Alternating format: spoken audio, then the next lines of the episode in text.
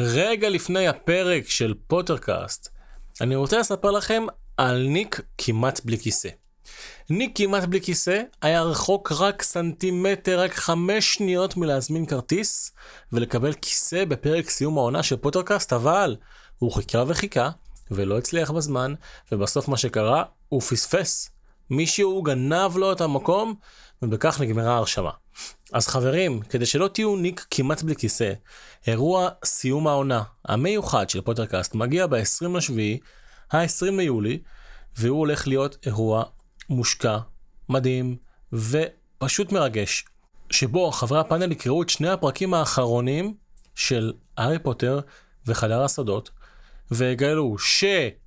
וגם, והכי מעניין, וגם מצחיק מאוד שיהיה, כן כן, אסור לי להגיד, אבל כל זה יקרה בפרק סיום העונה ואתם יודעים מה יהיה שם. אם עדיין לא שרנתם מקומות, זה הזמן. אנחנו בסוף נסיים את ההרשמה, הכרטיסים הולכים ונגמרים, והמספר המקומות מוגבל. למה מוגבל? כי יש לנו אולם ענק, אבל אנחנו מכינים לכם כל מיני הפתעות וכל מיני דברים, ומי שהיה כבר בפרק סיום העונה הקודם מבין על מה מדובר, ולכן זה מתאים רק למספר מסוים של אנשים, ואנחנו רוצים לשמור עליו אינטימי. אז אם עדיין לא רכשתם כרטיס, לכו על זה. יש פרק פצצה של אמנון הלל, תהנו ממש. ווואו, איזה פרק הקראה הולך להיות לכם בשבוע הבא, אתם לא מאמינים.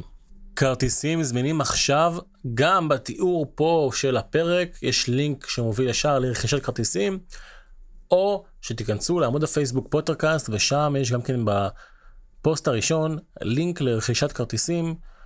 בואו, מחכים לכם. ברוכים הבאים לפוטרקאסט, המקום בו מגלים את הקסם. או, שלום, נמצאים איתי פה שני אנשים מאוד מאוד יקרים. הראשון זה יותם רוזנטל, אהלן, אהלן.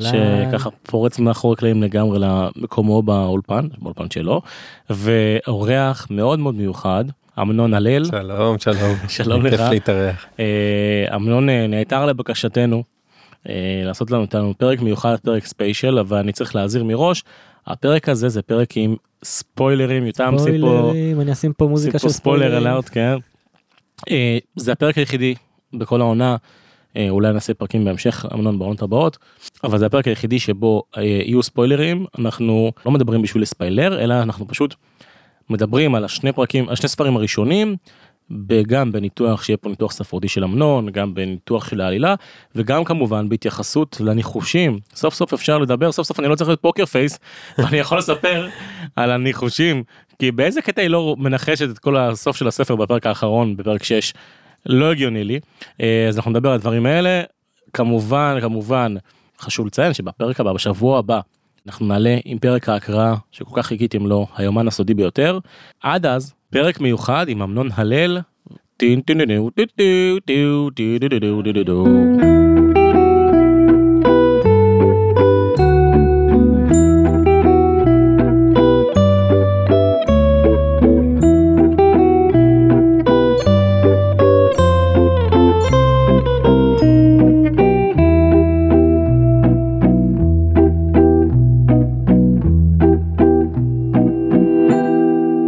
שלום כולם וברוכים הבאים לפוטרקאסט פרק special עם ספוילרים ואמנון הלל ויותם רוזנטל שלום לכם. אהלן. שלום. אז האמת אמנון בוא נתחיל ישר בקודם כל התחלה. אני אשמח לשמוע מה אתה חושב בכלל על הפודקאסט ואיך זה תופס אותך והתחבר לך כי אצלך זה גם עם, עם הילדה ויש פה איזה חיבור מעניין. נכון, נכון. קודם כל זה נהדר, זה כיף להקשיב. בהתחלה, כמו שלהארי פוטר, אה, ענת הכניסה אותי, אשתי, אה, באיחור, ולקח זמן לשכנע אותי. מתי מתי נכנסת לעולם שלך? אה, 2004 או 2005, אה, מת מאוחר. ו- גם לא גם זאת אומרת לא בגיל אה, לא, צעיר. אבל לא, לא בגיל צעיר, ולא רציתי לקרוא, ו- וענת, בת זוג שלי נורא התלהבה ואמרה לי אתה חייב לקרוא, ואני כאילו אוקיי, מתישהו, לקח לי זמן. ו... וגם כשקראתי עוד לא הבנתי, ככה אולי כמו שהם עכשיו קוראים את הפרקים ביחד ועוד לא מבינים למה הם נכנסו, ורק רק בקריאה השנייה, השלישית, אה, התחלתי להגיד זה וואו, ואחר כך רציתי כבר אה, ללמד על זה, מה שנמשך עד היום. אז מי שלא מכיר את אמנון, אמנון הוא הבעלים, היוצר של סוד הקסם, יחד עם ענת, ומה שאתם עושים בעצם, אתם עושים הרצאות מטורפות בכל היבט שיש על הספרים, נכון? ואתם לא מאמינים, מאזינים, נדבר אליכם, כמה סוגים שונים של הרצאות וכמה מידע יש לאמנון ובשנייה ששמעתי את ההרצאות של אמנון אמרתי שאני חייב להביא אותו לפרק פה. כי יש דברים שאני פשוט לא לא לא יכול לחסוך מכם ולא יכול לספר לכם כי זה פשוט אה, הכל פה ידע מטורף של אמנון אז אמנון בוא תספר לי קצת על עצמך שהמאזינים אלה שלא מכירים אותך מי אתה מה אתה עושה וכאלה. אוקיי אז אה, אנחנו גרים בחדרה ואני מורה לספרות. כן, קרובים, שכנים ובאמת ב- ב- הרבה שנים הייתי חונה, מחנך, חונך ומורה גם לספרות, גם להיסטוריה בבית ספר הדמוקרטי בחדרה. ומתוך האהבה להארי פוטר אה, עשיתי שיעור מיוחד על הארי פוטר, הייתי אני מלמד חושב את ה... איזה מגניב זה שהמורה לספרות שלך אוהב הארי פוטר ולא מזלזל בזה. או יורד על זה או משהו כזה. לגמרי לגמרי והתלמידים בבגרות בספרות הם היו מסיטים אותי מהנושא כדי לדבר איתי על הארי פוטר על ספרות של הארי פוטר אה, אז זה היה נהדר ואחרי כמה שנים כאלה אחרי שהתחלתי אז אה, חברה שלנו אמר- הייתה עוברת איתי על המצגות של השיעור והייתה אומרת זה לא למה רק לתלמידים שלך? תעשו הרצאות בכלל. אז ככה התחלנו עם ההרצאות ואז באמת אה, יש איזה מעל 30 הרצאות ואנחנו כל הזמן אה, כותבים ואוספים דברים של פרשנויות מהעולם והם עוברים ספריות אה, ברים יישובים וכולי. תן איזה דוגמה קטנה למאזינים שיבינו בכלל על הרמות העמוקות של מה שמדובר. אני חושב שזה זה, זה יוצרת גדולה וזה יצירה גדולה וחלק מהגדולה שלה שאתה לא מבין את זה אתה, נהנה אתה קורא את הספר אתה נהנה זה עובר זה זורם אתה לא מרגיש שאני עכשיו במשהו פילוסופי שכל משפט ופשוט נהנים ונכנסים אל תוך העולם גם מבחינה רגשית ו, ומאוד אתה מאוד מעורב בחוויה אבל כל הזמן בתוך הכתיבה יש שם זאת אומרת היא יוצרת שקראה קראה אינסוף דברים וכל הזמן בשיחות עם יצירות ספרות אחרות וכל הזמן בכתיבה שהיא אה, מרתקת גם בעומק שלה בתכנון שלה. ב... ב- איזה יצירה הכי מפתיעה נגיד אם מתכתבת איתה רולינג? או, יש לה קשה להגיד כי היא היא מתכתבת מהמיתולוגיה היוונית ו- ו- והברית החדשה ו- ומיתולוגיות אה, אחרות ועד אה, כמובן המאה ה-20 ויצירות מהפנטזיה ולא מהפנטזיה ושייקספיר זאת אומרת יש לה זה מגוון, מגוון רחב וזה גם עוד לא התגלה זה כל הזמן מתגלה כי זה תלוי מה אתה מה אתה מכיר לא גם מה אתה מכיר לפני זה ואז מה אתה מזהה? והיא לא עושה עבודה ישירה בדרך כלל. לפעמים יש דמויות שלקוחות אה, שמות של דמויות או שמות אה, שישר שולח אותך ל...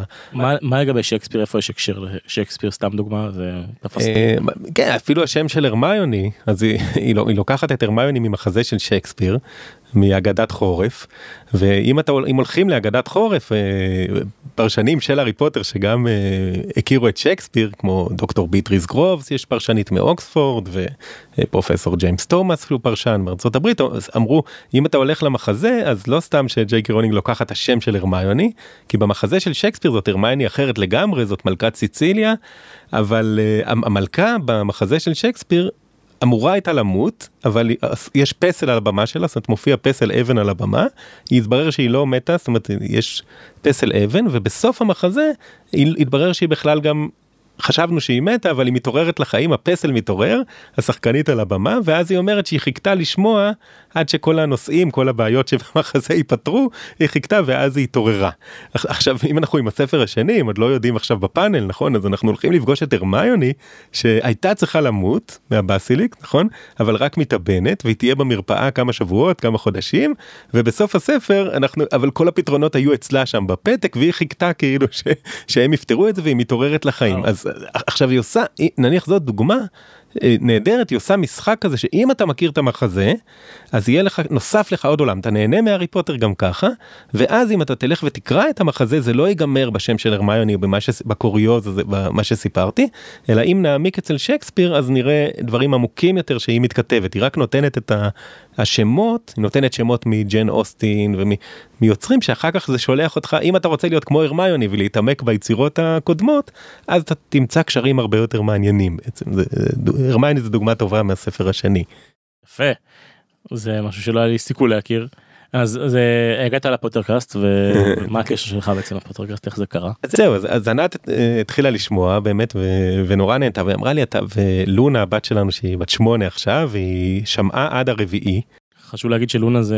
לונה על שם לונה לאבגוד נכון שהם יפגשו בחמישי. ספוילר, ספוילר, ספוילר. נכון, כי אנחנו עמוק בהארי פוטר ו- ולונה נורא התלהבה גם לשמוע אתכם ו- וענת והם אמרו אתה חייב לשמוע ענת אמרה והיא צדקה כי דווקא כדי לשמוע איך מבוגרים שעוד לא קראו את זה חווים את זה פעם ראשונה ומנחשים כי קשה קודם כל קשה לזכור את החוויה. זאת אומרת אני אנחנו כבר אה, אני ואתה כאילו אפשרי, זה- זה- זה זאת כן. הפנטזיה שלי, זו זו המטרה מאחורי הפודקאסט, להיזכר באיך זה מרגיש בפעם הראשונה, לקרוא את זה, אם ניחשתי, לא ניחשתי, אפרופו עכשיו תום רידל או לא תום רידל, אני לא לא זוכר ש...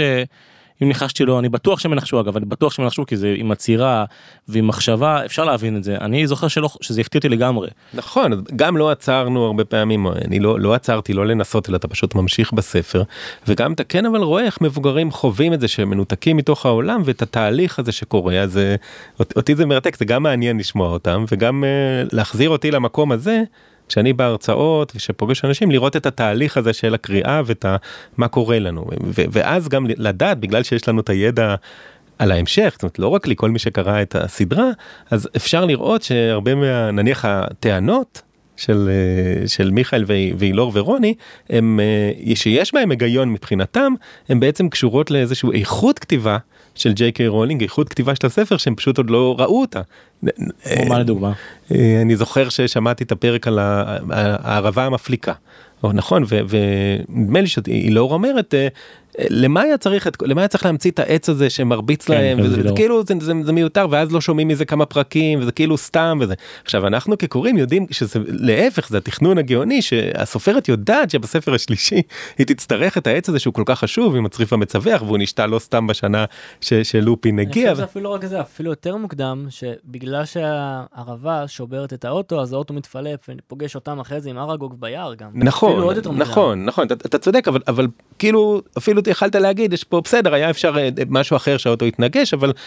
היא- יודעת שזה כמו שאתה אומר גם לסוף השני והיא יודעת שזה כל כך חשוב גם לשלישי וגם עוד נפגוש את זה בשביעי זאת אומרת יש שם אה, הצריף המצווח עוד ועוד נחזור אליו עד השביעי ו- וסנייפ זאת אומרת יש שם כל הזמן שבתור מי שיודעים את התהליך אנחנו זה דווקא מרתק לראות כל פעם מראש איך היא איך זה נבנה בעצם ותוכנן אז אה, אני ממש נהנה כן, מחכה לפרקים.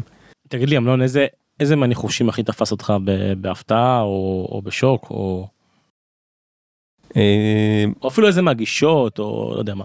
קודם כל באמת בפרק באחד האחרונים אה, גם היה התייחסות אל, ה, אל, אל וול, כאילו כל, כל העיסוק שלהם ששאלת אותם מי זה יהיה בסוף הספר הראשון למשל אה, מי הם חושבים שיהיה בעצם מעבר ל...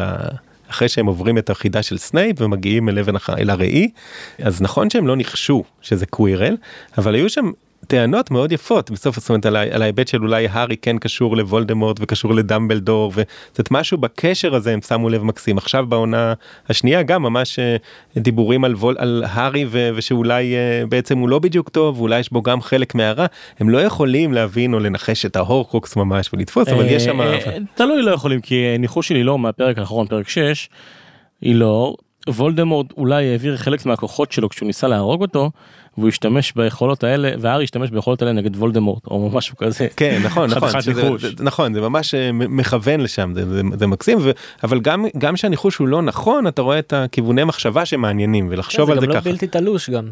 כן או גם להגיד כבר גם אם חושדים במישהו לא נכון הם, הם כבר הבינו שיש פה כל הזמן טוויסטים. זאת אומרת הם אומרים זאת כתיבה שזה גם נורא מעניין עם, עם ג'יי קי רולינג. עכשיו אי אפשר יצא עכשיו אה, חזיר חג המולד יצא הספר החדש של ג'יי קי רולינג לילדים. קראתי אותו פעם אחת בינתיים ו- ולונה ביקשה שאני רק אקריא לה יחד איתה שאני לא אתקדם לפניה. עכשיו תוך כדי אתה מנסה לנחש לפי הכתיבה ואתה מחפש את הטוויסטים ומי חשבת שהוא טוב והוא רע. עכשיו אתה לא צודק זאת אומרת היא כותבת את זה תמיד uh, מפתיע גם בשבעת הספרים אנחנו כל פעם מחדש הופתענו ביחס לסנייפ וב- והדמות החדשה שנכנסת זה לא שאתה מבין את סגנון הכתיבה זה פתור לך אבל אתה כן כבר נכנס לאיזה מוד כזה של תשומת לב לפרטים של הרמזים של אה, מה פספסתי של מה קורה שם מ- מתחת לפני השטח ובגלל שזה כל כך לטווח ארוך זה מרתק ויש דברים שאני שומע אותך ככה מורן שאתה לא רואים שאתה היית רוצה להגיד להם משהו אבל אתה לא יכול. הפוקר פייס זה אחד מהדברים הכי קשים אני יש לי שאלה. שדווקא אולי לוקחת אותנו החוצה, כי אתה כבר הוצאת אותנו החוצה לחזיר חג המולד. מעניין אותי אם אתה בשאר הספרים שלה, יש לה את הספרי בלשים שלה, ואת נכון. ה... אה, כיסא פנוי. כיסא פנוי, שבמקרה יש לי אותם פה. אה, האם אתה קראת אותם ואתה ראית איזשהו קו אחיד בכתיבה? כי אני זוכר שאני התחלתי לקרוא את הכיסא פנוי, איפה שהפסקתי אחרי עמוד 60 מסיבות כאלה ואחרות, ולא הרגשתי שזה, שזה דומה אפילו בכתיבה להארי פוטר, לא הצלחתי... אה, חד משמעית כן פשוט זה לא זה לא ישיר כן נניח זה לא שאתה קורא את הספר הבלשית אה, קורמורן סטרייק למבוגרים אני ממליץ אתה לא מרגיש כמו הארי פוטר אבל כשאתה מתעמק שוב צריך לקרוא יותר מפעם אחת אצלה את כיסא פנוי את קורמורן סטרייק או גם הסרטים של חיות הפלא. אז אתה רואה ממש את הנושא העומק שהם מאוד דומים והדרך שבה היא מטפלת בדברים וה, ושוב המון התכתבויות עם יצירות uh, ספרות אחרות ב, ב, בסדרה הבלשית זה ממש uh, גם בולט כי היא מצטטת כל הזמן מתוך uh, מחזות ויצירות קודמות אז זה, זה כן אבל זה רק בקריאות אי אפשר לתפוס את היצירה שלה בפעם אחת. זה... אז לפני שנדבר על כמה ניחושים שלהם וקצת על עוד טיפה על הפודקאסט כולם מדברים על העלילה כמו שאתה אמרת לפני פה לפני שהתחלנו את הפרק על העלילה, על הדמויות וכאלה. בוא נדבר מבחינה ספרותית, מה מייחד את רולינג, מה מיוחד ברולינג לדעתך, ואפשר ככה שנתמקד בספרים הראשון והשני כי אנחנו בעצם שם, נמצאים שם. אז אני, אני חושב שבאמת היכולת ל... קודם כל מייחד את הכתיבה שלה או אחד הסיבות שזה מצליח זה באמת קודם כל זה כל כך אנושי וכל כך אה, אמין ואנחנו מתחברים לדמויות וחווים משהו טבעי וכולל ההומור שהוא כל כך שונה לכל דמות. זאת אומרת יש שם משהו לפני ה... מה שלא נוכל להסביר אולי ספרותית או למה זה ככה מצליח יש שם איזה קסם מבחינת הכתיבה של הדיאלוגים והדמויות אבל אחר כך כשנכנסים למבנה נכנסים כשאתה קורא כמה הרבה פעמים או, או מסתכל עליו אז היא עושה משהו. שוב סופר מתוכנן ומצליחה לעבוד איתנו בכמה רמות במקביל נניח כמה מתוכנן כמה, מתוך רולג יש ממש כאילו ידע לדעת כמה זה מתוכנן אצלה. כן, קודם כל היא לא מכחישה, היא אומרת, היא אומרת עבדתי חמש שנים על שבעת הספרים, על התוכנית שלהם לפני שכתבתי את הספר הראשון, היא אומרת, אני יודעת את העבר, את ההווה, את העתיד של הדמויות שלי מראש, אני לא ניגשת לכתוב, היא אומרת, בין ספר לספר, נניח בין הראשון לשני, היא אומרת כל פעם אני שלושה חודשים, חודשיים עד שלושה, לא כותב את הספר הבא בסדרה, אלא עוברת על כל התוכניות שלי, לראות שהם, שהכל עדיין יושב במקום ומארגנת אותם. היא, זה זה זה האמירות שלה אבל גם רואים את זה בספר בגלל שוב בגלל הטכניקת כתיבה שאנחנו רואים את אותם רמזים שעכשיו אנחנו עוד לא יכולים לדבר איתם עם חברי הפאנל כי רוב הרמזים שהיא שותלת לא ייפתרו כבר בספר הראשון. יש כאלה שכן. ואז גם כשאתה רואה את הרמזים של הספר הראשון אתה רואה כמה זה מתוכנן. אה, וכמה כל דבר הוא יושב במקום. היא כותבת בתבנית אה, סימטרית. תבנית שהחצי הראשון של הספר הראשון נניח הוא מגיע עד המרכז יש התהפכות יש, ואז החצי השני של הספר הוא חוזר על הדברים שכבר פגשנו. איך, איך זה בא לידי ביטוי? אוקיי ניקח דוגמה זאת אומרת, ורק אני אגיד וסוגר בסוף הסיום סוגר את ההתחלה זאת אומרת יש מין זה כמו טבעת כזאת ההתחלה והסוף זה די מובהק שאתה קורא את זה נכון כי הילד שנשאר בחיים היא וולדמורט שניסה להרוג אותו אבל לא הצליח כי אימא שלו אה, מתה כדי להציל אותו נכון וסיימנו עם וולדמורט עם קווירל דמורט ששוב מנסה להרוג את הארי והוא לא יכול לגעת בו בגלל ההגנה של אימא שלו ושוב פעם זה הילד שנשאר בחיים. מתעורר כן. שם במרפאה. אבל כל הספר כבר החצי הראשון עשינו את כל הדברים פשוט לא ידענו זה תעלומה. ארי לא הבין שהוא כבר עשה את הדברים שהוא בעצם ואנחנו שהוא יעשה אותם שוב אני, בצורה בסדר הפוך זאת אומרת אה, אה, הוא כבר לקח את אבן החכמים הספר נקרא אבן חכמים הוא לקח את האבן כבר בהתחלה. הוא מגיע ל... אבל הוא לא יודע זה החבילה הזאת נכון? כן. והוא והוא ואגריד כבר דיבר על הדרקון שהוא רוצה לגדל שיהיה אחר כך הארי יצטרך לחלץ אותו ו, ו, וקווירל כבר היה שם נכון? קווירל כבר בא לקחת את האבן הוא הגיע לקלחת הרותחת ולחץ לארי את היד. אבל אבל לא ידענו שזה קווירל אותו המגמגם שהוא המשרת של וולדמורט הוא פשוט איחר. כל זה וכל זה אחר כך יקרה זאת אומרת ממול בחצי השני שוב הארי ייקח את אבן החכמים מהראי קווירל כבר יהיה שם אבל לא יצליח לקחת אותה בזמן והארי יוציא אותה אבל הכל ככה. הוא כבר פגש את הקלף צפרדע השוקולד ברכבת שכתוב שם על ניקולס פלמל על האלכימיה על הקשר עם דמבלדור. הוא פשוט לא מבין ואנחנו לא יודעים שהקלף הזה חשוב ואז בחצי השני בחג המולד הרמייני נביל ייתן לו שוב את אותו קלף של אה, צפרדע שוקולד בדיוק בפרק שממול זאת אומרת זה פרק 6 אה, מול פרק 12 זה משהו סימטרי עם אה, התשע זה האמצע יש 17 פרקים נכון? אז פרק פרק 9 זה האמצע שמונה פרקים לפניו שמונה פרקים אחריו זה נקרא דו קרב בחצות. ג'ון גריינג'ר אחד הפרשנים שחשפו את המבנה הזה אומר תראה זה נקרא Midnight Duel mid middle אמצע ו, ואז כאילו כל מה שקרה הקלף צפרדע שוקולד שלא פירשנו ולא הבנו את הרמז הם לא הם לא ככה מוצאים את זאת אומרת הם לא מצליחים למצוא את פלמל לא מבינים את, את, על מה שאומר הכלב וכולי וממול במקום סימטרי זה ייפתר ואז הם יבינו שזה ארי יקרא שוב את הקלף וייזכר איפה הוא קרא ויבין שזה פלמל. חצות זה חצי גם. נכון בדיוק ואז כל מה שקרה בחצי הראשון כולל ההליכת הם, הם, הכל כבר כאילו קרה. והיא חוזרת עליו בחצי השני ככה זה בכל ספר וגם בכל הסדרה זאת אומרת זה כתיבה אתה לא יכול לכתוב אותה ב- אני- בשלף זה- מטורף. אני דווקא יש לי שאלה על זה, דווקא בהקשר של הפודקאסט, כי אילור, אני לא חושב אם זה רק אילור, דיברו על זה שהספר לא נגמר ב... מה שנקרא בקליק- במתח. במתח, בדיוק. נכון לא היה איזה הוא בכוונה. שזה.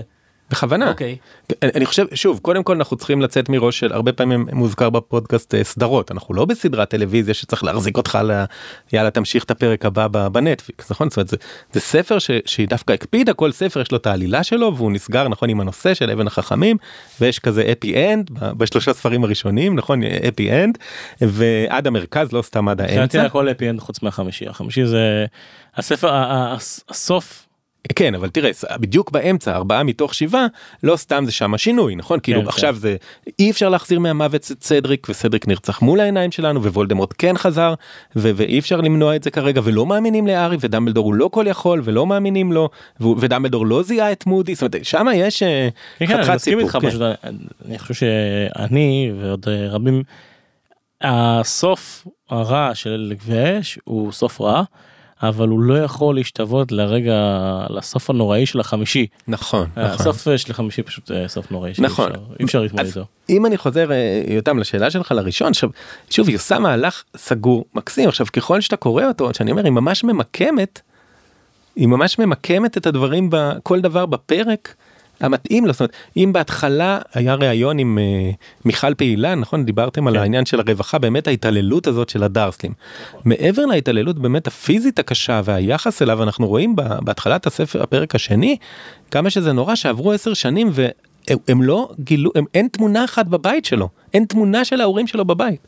איזה התעללות ברמה הזאת אין תמונה והוא לא יודע את הסיפור הם אומרים לו זו תאונת דרכים. זה יותר חמור או לא פחות חמור מכל היחס אליו עם הארון והלישון שם בארון מתחת למדרגות עכשיו זה זה זה הנושא כמעט בספר נכון המ- המוות של ההורים שלו והזהות שלו מי אני. ספר מתחיל בשאלה מי אני ילד שהוא לא היא, אמרה גם שעלה לה ברכבת הרעיון ב-1990 שהיא נסעה ברכבת היא אומרת היה לי רעיון של ילד שהוא קוסם והוא לא יודע שהוא קוסם. וההורים שלו מתו. עכשיו אנחנו מתחילים את הספר ואנחנו יודעים שהוא קוסם הוא לא יודע את זה.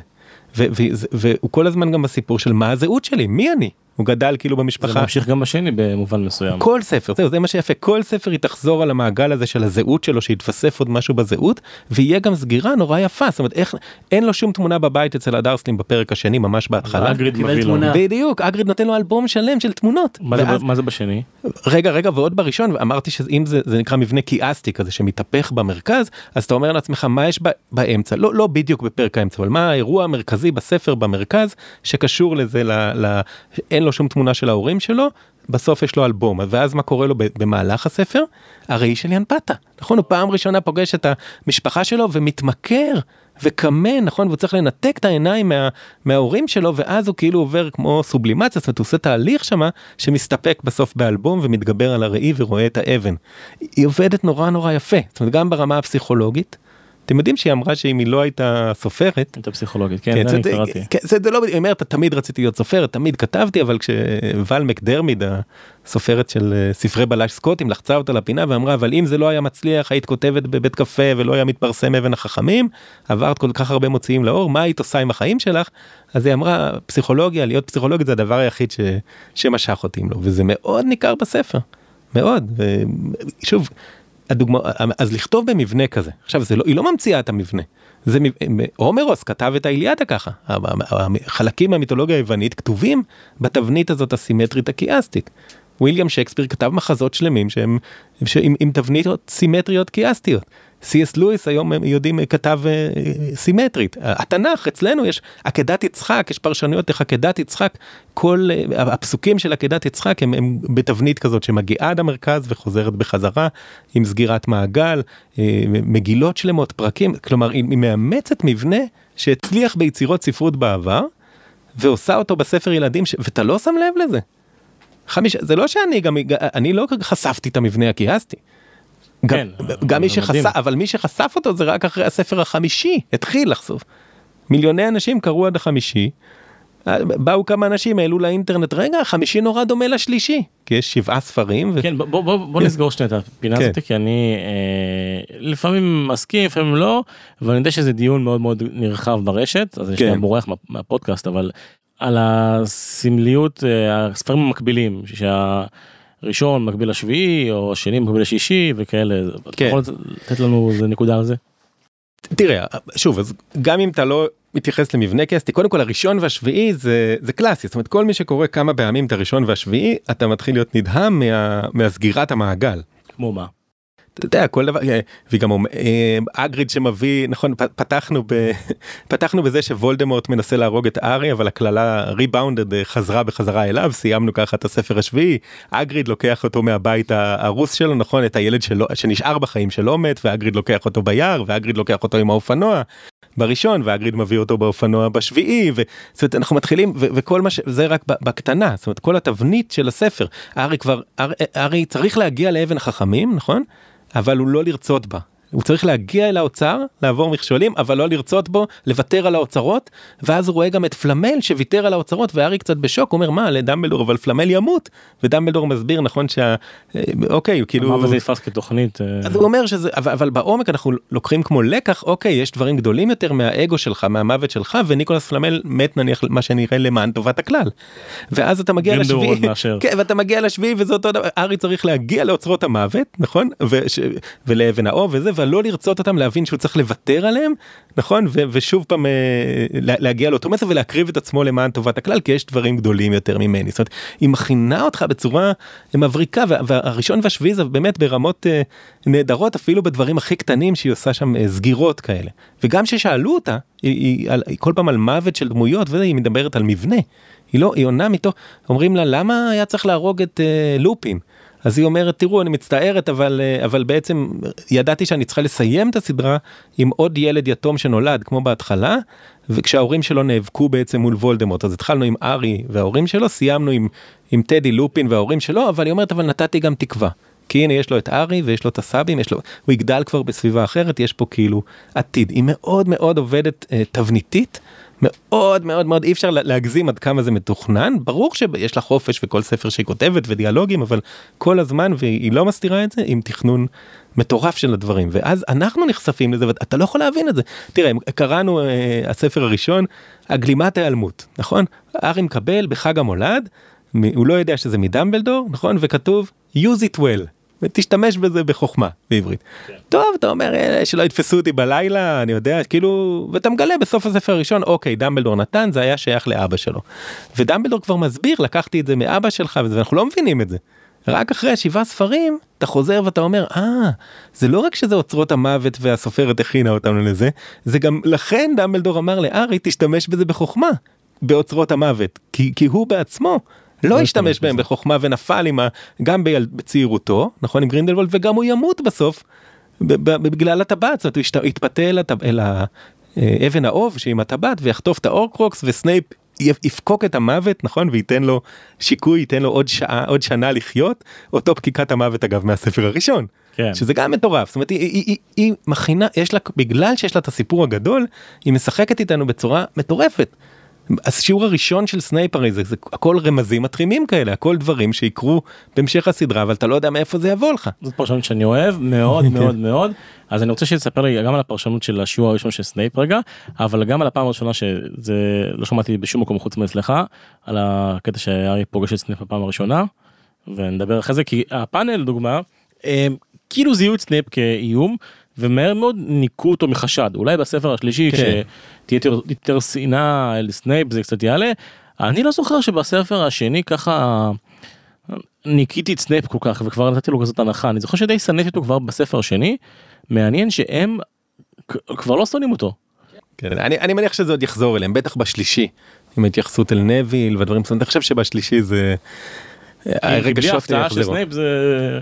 הסדרה פחות טובה פשוט. נכון אבל זה עוד יהיה אין לי ספק שלאורך לפחות בשלישי כבר זה יחזור בוא, האלה. בוא נדבר שנייה סנייפ אם כבר אנחנו אוקיי, סנייפ זה גם, זה דוגמה, זאת אומרת, גם מה שהיא לא אומרת לנו על דמות, זאת אומרת יש לנו כל הזמן את המידע שהיא חושפת על דמות וכמה היא לא חושפת, היא מאוד הדרגתית ומאוד רוצה שזה יישאר, אה, זה לא יהיה פתור, זאת אומרת נניח, שוב המפגש הראשון עם סנייפ, נכון?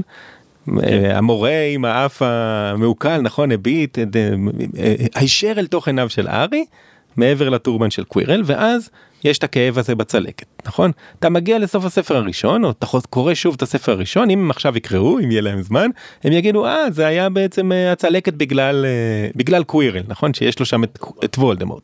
אבל, אז אתה חושב שפתרת כאילו את הרמז, אתה לא מתייחס לדבר החשוב שהיה לה, להגיד לנו שסנייפ חייב היה להסתכל על העיניים של הארי כשהוא מגיע פעם ראשונה להוגוורטס, כי זה העיניים של לילי.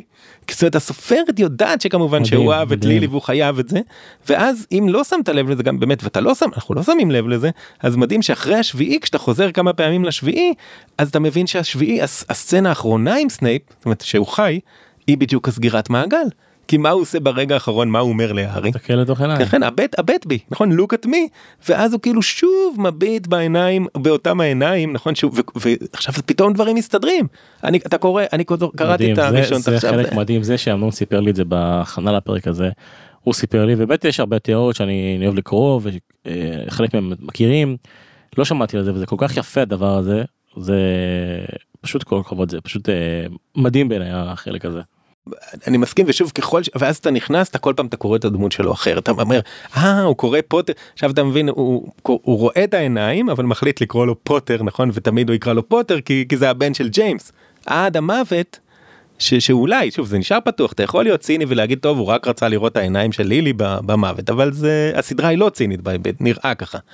אותה ביטריס גרובס שהזכרתי אומרת תראו יש פה סוף סוף הוא רואה בו הבן של לילי. זאת אומרת, סוף לפני המוות הוא רואה ואז זה גם נורא יפה כי הוא נותן לו, תמיד הוא הסתיר את כל הזיכרונות, את המחשבות, את הכל ועכשיו זה לא שהארי נהיה מבאר הכרה. ולא שסנייפ, אלא סנייפ לא מליט הכרה יותר אלא דווקא בוחר בוא קח את זה ומחליט על 20 קטעים מהחיים שלו מאוד בכנות. נותן לנו ממש סיפור שהוא לא היה צריך לעלילה כאילו לכאורה. רק המון המון כנות אז, אבל היא כותבת אתה חושב עליה איך היא מחזיקה את הכל. בתור סופרת זה מטורף גם הראיונות איתה. אני, אני קורא ראיונות מוקדמים איתה מהשנים הראשונות ואתה נדהם כמה היא מאופקת בראיון אבל בעצם אומרת מה שאתה לא יכול להגיד כמו ש... מה מה היא אמרה בראיונות על סנייפ? כמו שהם ניחשו בפאנל נכון גם היה איזה הימור נדמה לי גם של אילור שהיא אמרה אה, אולי סנייפ יצא פעם עם אה, אה, סנייפ, ככה היא לא אמרה ציטוט מדויק כן. אה, אג- אגב אה, זה הזמן להגיד תודה רבה לאיתן פרבר אה, שאסף לנו את כל הציטוטים במהלך הפרקים אז קודם כל הציטוט המדויק אולי סנייפ הכיר את ההורים של הארי כשהם היו צעירים יותר והיה שם איזה ויכוח. אולי אבא של הארי לקח את אמא של הארי, אולי אמא של הארי וסנייפ יצאו בעבר, אולי יש איזה דרמה עם ההורים של הארי שאנחנו לא יודעים, והוא חש את הדבר הזה מחדש, והוא מה שנקרא, חש את הדבר הזה מחדש ומנסה להבין מה הוא חושב על הארי. פרק חמש ב- ב- בס- בפודקאסט זה פשוט מדהים. זה כמו. כסותו זה נשמע. זה כן, מדהים, נהדר. מדהים. ו- ו- אז גם הסופרת שמישהו שאל אותה אחרי השלישי. אחרי השלישי לא אמרו על ג'יין לא אמרו על אמא של הארי וזה אמרו זה נראה כאילו סנייפ הולך להתאהב ו- ו- וזה נראה כאילו שסנייפ התאהב פעם והיא הייתה בשוק והיא אומרת מה מי ירצה להתאהב בסנייפ זה נשמע נוראי אבל אני לא יכולה להגיד כלום ואתם תגלו למה רק כשתגיעו לספר השביעי זאת אומרת אצלה יש זה זה, זה רעיון היא מ-1999. בעצם הקלפר של כן, כן, העולם כמו, שלה. כמו אצלך, זאת אומרת, כן, היא צריכה להיות זהירה נורא. אבל, אבל זה באמת מרתק ככל שאתה נכנס, ו, ושוב, אם אנחנו נעזר, באבן החכמים, אבן החכמים זה, זה מונח מאלכימיה. זאת אומרת, הסופרת קוראת לספר שלה אבן החכמים, שזה באמת, ומכניסה שזה הייתה המטרה של האלכימאים, שזה באמת הייתה המטרה בהיסטוריה של האלכימאים, ומכניסה את ניקולס פלמל, את האדם, דמות אמיתית. שהוא, שהוא, כן, שזה על שם אדם אמיתי שחי באמת בשנים שהיא כותבת, ואחרי שהוא מת טענו שהוא המציא את אבן החכמים. אז היא אמרה, נכניס אותו לעולם שלי, והוא קוסם, ובגלל זה הוא לא מת, הוא בן 660 ומשהו, וכולי. אבל מה ש... אבל זה נראה עדיין שוב כמו קוריוז. זה נראה כמו, בסדר, אז היא קראה לזה אבן החכמים, הכניסה את הדמות שלו, וזה נגמר בספר הראשון. אתה אומר, טוב, זה לא היה חשוב, כאילו עוד הרפתקה. אבל אז באו אנשים שמתמצאים באלכימיה, ושוב, האלכימיה נכנסה לספרות באירופה, ב... יש לנו עוד מימי הביניים וברנסאנס, יש יוצרים שלקחו את הרעיונות של האלכימאים, כי הם לא, האלכימאים לא רק ערבבו חומרים במעבדה, אלא האמינו שהם משנים את הנפש שלהם, שהם עושים במקביל לשינוי שהם עושים לחומרים להפוך עופרת או כספית לכסף או זהב לנסות לשנות את היסודות בטבע ליסודות יותר אה, הנדירים שנתפסו כמשהו יותר אלוהי לחזור על איזשהו מעשה בריאה ולהצליח ליצור את האבן הפלאית הזאת של אבן החכמים שחיי הנצח וזהב. במקביל לזה הם האמינו בניגוד למה שהיום יראה לנו שה, שהרוח של ה, שה, שהסיפור הרוחני שלהם הנפשי משתנה במקביל לעבודה עם חומרים במעבדה ועד שהם לא אם הם לא יעשו את זה כמו שצריך אם הם לא ישתנו בעצמם זה לא יצליח ליצור את האבן. זאת אומרת, אז מתוך הרעיון הזה הרבה יוצרים וג'יי קי רולינג כמובן לוקחים את, את הסמלים, את הצבעים, את התהליך האלכימי, מכניסים אותו לתוך הספר שלהם. כל שבעת הארי פוטר מלאים באלכימיה. מה זאת אומרת באיזה איזה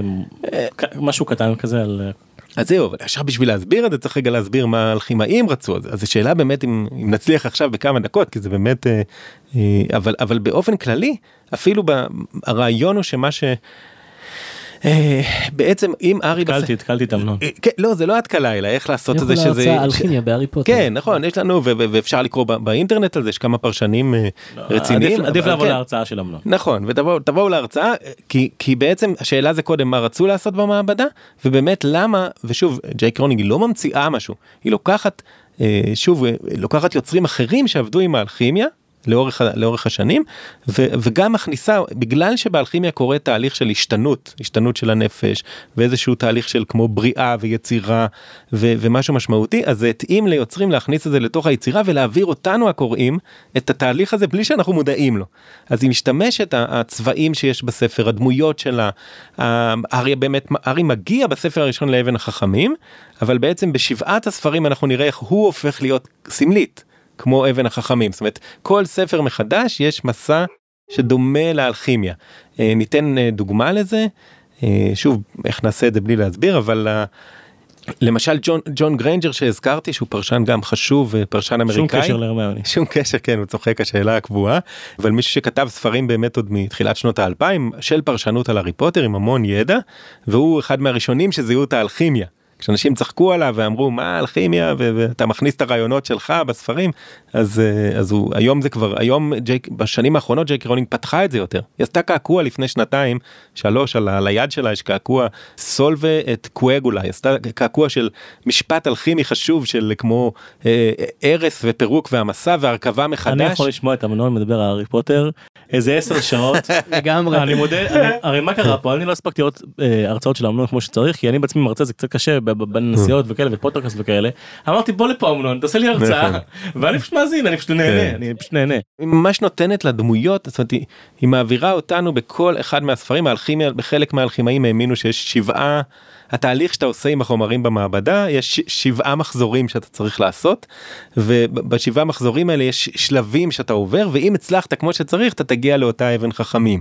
אז היא בכל אחד מהספרים שלה זה נראה שיש מסע שהדמויות הן גם מייצגות אה, חומרים באלכימיה נניח אה, אותו ג'ון גרנג'ר, ג'ון גרנג'ר חשף הוא אומר תראו האלכימאים האמינו שאתה מערבב כספית עם גופרית כספית זה מתכת נכון אבל הם תפסו אותה כמשהו נקבי הם קראו לה המלכה הלבנה כמשהו אה, אה, מתכת מיוחדת. הם אמרו אם נצליח לערבב אותה עם הדבר ההפוך עם הניגוד עם גופרית שהיא נתפסה כבוער כמשהו חם כמשהו אה, המלך האדום קראו לה אז אם המלכה הלבנה הכספית והמלך האדום הגופרית אם נצליח למזג אותם זה ככה ניצור את אבן החכמים. ו, ואז ולפעמים נעזרו במלח באמצע יש כל מיני גרסאות. אז ג'ון גרנג'ר הראה יפה שבעצם הרמיוני גריינג'ר היא בתפקיד הכספית בהארי פוטר וגם השם של ה-HG הוא אומר HG זה כספית בטבלה המחזורית של מנדלייב ואז אז הרמיוני ורון הבוער האדום כאילו מתאים לגופרית ולא סתם באלכימיה למשל יש ביטוי מפורסם באלכימיה The Quarreling Couple הזוג המתווכח הזוג הרב זה הכספית והגופרית באלכימיה שכל הזמן הניגודים שאתה צריך למזג אותם וקוראים לזה חתונה אלכימית חתונה כימית זה המונח המרכזי באלכימיה. אז היא עשתה את רון והרמיוני מ, מהספר הראשון שהם Quarreling Couple כל ספר מחדש יהיה לנו ריב ופירוד ומאבק נכון של רון והרמיוני ובסוף הם באמת מתמזגים ובאמת יש חתונה אלכימית ויש לנו את רון והרמיוני וג'ון גרנג'ר יגיד ואיך קוראים לבת שלהם זוכרים באפילוג רוז. כן, יש לנו המלכה הלבנה והמלך האדום ונולדה רוז שרוז זה גם אחד הכינויים של אבן החכמים זאת אומרת כאילו זה משהו מטורף הסמליות שהיא עושה כאילו היא באמת מטורפת. אז, יש כן. לי שאלה, אולי שאלת, שאלת הקיום. אה, למה פרשנות על הארי פוטר? כאילו בכללי, גם הפוטר כזה עוסק בפרשנות, שהיא אמנם פרשנות שהיא רצה עם זה. אני לא יודע אם אני צריך לשאול את השאלה כן. הזאת נכון, כי אני אומר, אה, כל סיפור בסוף אפשר לפרש אותו. למה דווקא הארי פוטר? לא יודע, גם למה, למה דווקא טולקין, למה דווקא התנ"ך, או למה דווקא כל דבר, אבל לא יודע, הארי פוטר זה, שוב, אנחנו מדברים על זה עמוקות, זה מרגיש הכי פשט, אתה מציג לנו שלא, אז אה, לא יודע, אולי... אני- תראה, אני חושב שה... אות- אותי זה מרתק, אני מרגיש שגם את ההצלחה של, זאת אומרת, זה שאנשים קודם כל כל כך מחויבים לספר, כל כך בתוך הפרטים, בתוך המסע, רוצים לקרוא אותו עוד פעם ועוד פעם, זאת אומרת, בזכות זה אתה מתחיל להתפנות ולראות שיש בו, לא בכל ספר יש ככה, אבל ההישג הוא שיש יצירות היום שאתה תגיד ב, נניח בא- באוניברסיטה או תגיד אה, אנשים יגידו לא יודע מה יוליסס אה, ג'יימס ג'ויס כאילו יש יוצרים גדולים קלאסיים אבל מעט אנשים יקראו אותם. ואז אה, אין לך אתה לא אתה יכול לעשות אולי הרצאה עליהם עכשיו לעשות אבל אין לך את הקהל שחי את זה וקודם כל עמוק בתוך היה- הפרטים כדי לתפוס את המעבר. והארי פוטר זה פתאום נהייתה יצירה שבאמת קוראים כל הגילאים כל התרבויות חוזרים וקוראים כל פעם אומרים מכרו כך וכך עותקים הסיפור הוא לא כמה קנו את זה. נכון כמה קראו את זה וחוזרים לקרוא את זה ואז מבחינתי כמורה לספרות כאדם שמתעניין בזה זה פשוט נהדר. זאת אומרת, באים באנשים שהם בקיאים לפחות כמוני בעלילה כמעט שווה ערך לתנ"ך. כן נכון אבל שהם קודם כל זה מין וזה משהו משותף תרבותי באמת וכבר כמעט כמו איזה מיתולוגיה ועולם שלם שאתה בתוכו ואז אתה אבל שאתה הוא באמת רציני זאת אומרת אתה כל פעם גם אני בשוק אתה, אתה קורא כל פעם מאמרים מנקודת מבט אחרת שאתה רואה שאם לא היה לך את המפתח הזה את הידע הזה אתה- זה גם אם היית קורא לבד המון פעמים גם אני אני לא התמצאתי באלכימיה עד הארי פוטר אז הייתי גם אם הייתי קורא אלף פעם הארי פוטר לא הייתי חווה את ההיבט האלכימי אבל אחרי שאתה לומד על האלכימיה.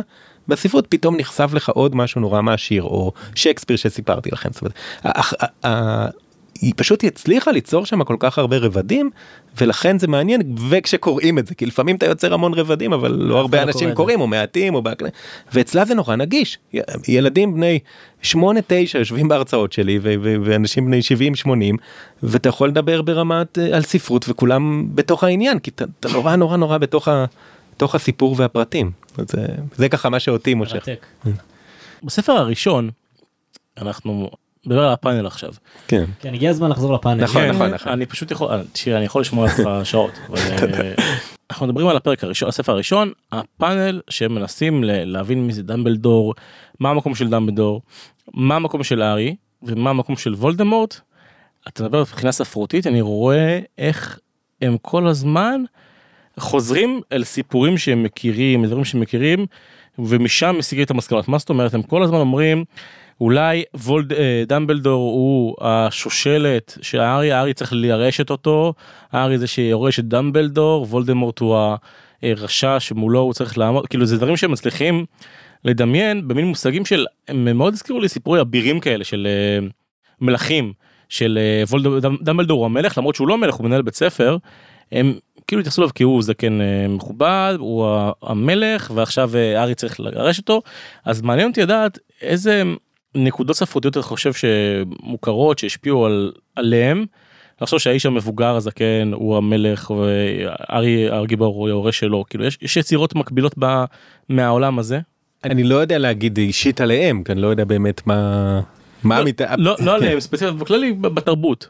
אני חושב שזה כל בגלל שאם אמרתי שהיא תבניתית גם בכתיבה של תבנית כמו נניח תבנית סימטרית אז היא גם אה, באמת יש שם תבניות זאת אומרת וגם בתת מודע וגם במודע היא כן כותבת בתבנית אפילו בתבנית של מעשייה.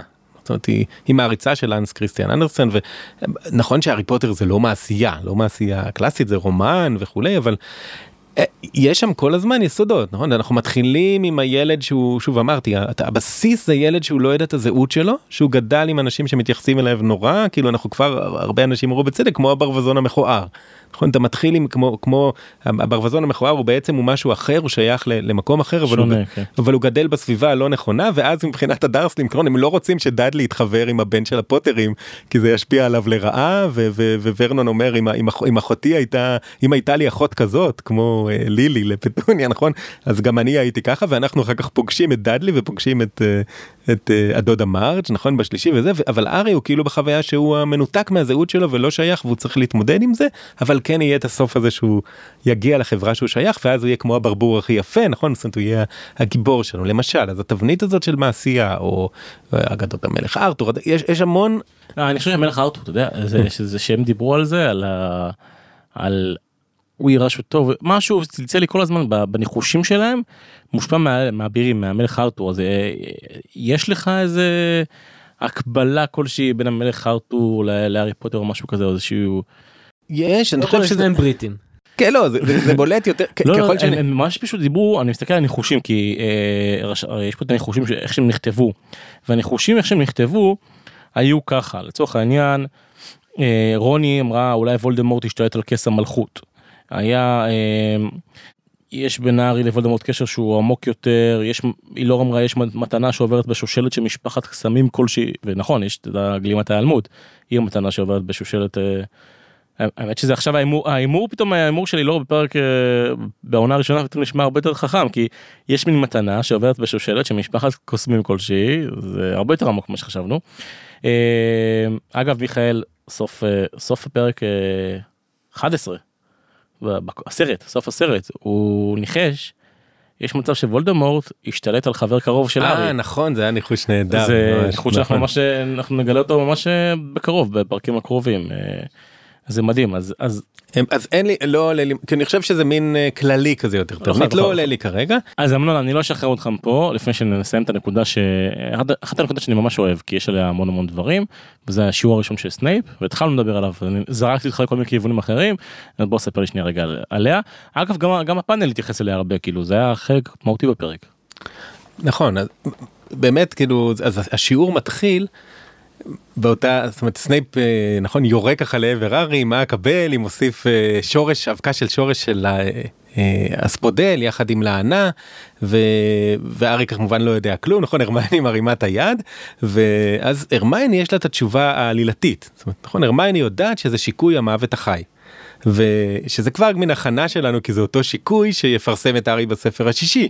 זאת אומרת זה השיקוי עכשיו הארי לא ידע. מזה כלום כן אבל כשהוא יקרא את סנייפ בספר בלי האישיות של סנייפ הוא יהיה מספר אחד בכיתה עם שיקוי המוות החי נכון ואז אז זה גם יפה זה הכנה אבל ב... ואז ברמה הסמלית מה שהרמייני לא ידע זאת אומרת יכול להיות שהרמייני הייתה צריכה להמשיך ברשימות קריאה המוגלגיות שלה אנחנו נראה בספרים וזה באמת שהתברר היום זה גם מופיע באתר הרשמי בפוטרמור וויזרדין וולד אבל לפני זה פרשנים שבקיאים בשפת הפרחים אמרו רגע שפת הפרחים זה בעצם באנגליה בעבר, אוקיי, הייתה, הייתה תקופה שבה היו משתמשים בצמחים, בפרחים, בהקשר של הסמליות המיט- מהמיתולוגיה, מהפולקלור, היה לכל, להרבה פרחים היה בעצם משמעות מוסכמת. אוקיי, אתה יכול היום לקחת מילון של שפת הפרחים ולראות כל אה, צמח, כל פרח, מהו, יש איזה מלחמת רגש. השנים שהייתה בבריטניה?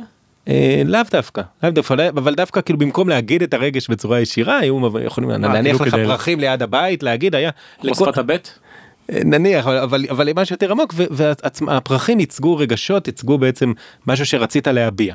עכשיו אה, ג'יי קי רולינג כנראה עובדת עם המדריכים האלה של שפת הפרחים ואז סנייפ בעומק שואל השאלה שהוא שואל כשזה כאילו תמים וחומרים מתוך שיקויים ואוקיי זה שיקוי שהארי לא יודע ולהשפיל אותו זה בעצם מגדיר את, הח- את החיים של סנייפ מבחינה סמלית כי ה- האספודל העירית זה, זה סוג של מה lilies כאילו זה המשפחה של, של אה, לילי אוקיי ובשפת הפרחים המשמעות של זה זה משהו כמו החרטה שלי תלווה אותך מעבר לקבר או החרטה אה, זאת שיזכרו אותה. ספציפיים היו שם בסוף כאילו. אה, זאת זה שיזכרו אותו זו שיזכרו אותה מעבר לקבר והלענה. אה, ו- וגם הספודל יש לנו את ה- הספודל גם במיתולוגיה נכון זאת אומרת אם נלך לשדות של אדס אצל אדס יש לנו הספודל זה, זה מקושר לאבל זה קשור לאבל קשור למוות וספציפית בשפת הפרחים לזו שיזכרו אותה גם מעבר לקבר אוקיי ו- ולענה בשפת הפרחים זה באמת מרירות משהו חרטה מרירות כאילו הצמח לענה אז כשסנייפ שואל אותו מה נקבל אם נוסיף את זה לזה זה בעצם הסיפור של סנייפ. זה הסיפור של ספר זה ש... וזה גם שיקוי המוות החי נכון זה שמסתובב בעולם כמו מת חי. תקוע בחוויה בטראומה שלו אבל סוגר את כל המחשבות והרגשות שלו מ הלטת הכרה בעיקר מול הבן של אה, של לילי נכון ו- וזה מה שנקבל זאת אומרת נקבל את סנייפ בעצם זאת אומרת השאלות הן נורא אישיות אבל אתה לא קורא את זה כמובן, לא- זה לא נועד שאתה תעלה על זה.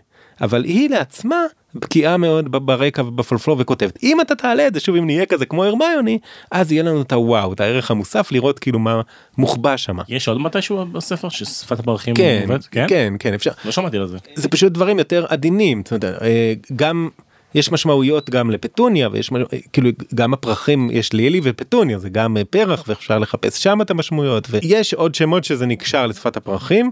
אה, שוב ו- אבל אני חוזר לסנייפ עוד רגע לשיעור הראשון אז- יש את ההיבט הסמלי הזה אבל גם בעלילה נכון הרי זה מוכר לקוראים שיש המון רמזים אז אז שיקוי המוות החי ואז יהיה לנו את ה... בזוהר כמובן. כן. ש, שזה, שזה גם יפה כי הוא, הוא שוכח מזה הארי נכון ואחר כך ברביעי הוא מקבל אפס יש לו מבחן שהוא מקבל אפס מסנייפ כי הוא לא הוסיף את ה... שכחת בזוהר ואז בשישי הוא באמת יציל את החיים של רון אחרי שהוא למד את זה שוב מ, מסנייפ מהספר. זאת אומרת שוב כן. סנייפ הוא מורה גאון, הוא גאון עולה על כל הספר סיכו, שיקויים עם ההערות שלו בגיל 16 אם אתה לא עם האישיות שלו. בטח אם אתה הארי או נוויל או משהו כזה ו, ו, מד- וכמובן פקיקת המוות אתה יודע הוא זורק שיקוי אני יכול ללמד אתכם לפקוק את המוות. זה לא אומר לנו כלום נכון זה נראה וגם לא אומרים אף פעם בסדרה פקיקת המוות אחר כך. אנחנו בדיעבד בקריאות חוזרות אומרים אה לכן וולד דמבלדור אמר תביא לי את סנייפ לא את גברת פומפרי ואז הוא כלה ביד את הקללה שלו וכנראה פקק את המוות ונתן לו שנה לחיות. זאת אומרת. זה מין אה, אתה בעקיפין כאילו מבין אבל הכל שם כבר בתבנית וגם אותה תבנית איך הוא מתייחס להרמיוני איך הוא מתייחס להארי נכון זאת היא, היא נותנת לנו את היסודות השנאה הזאת ביניהם שהכל כבר מהשיעור מה הראשון. מה זאת אומרת איך הוא מתייחס ל...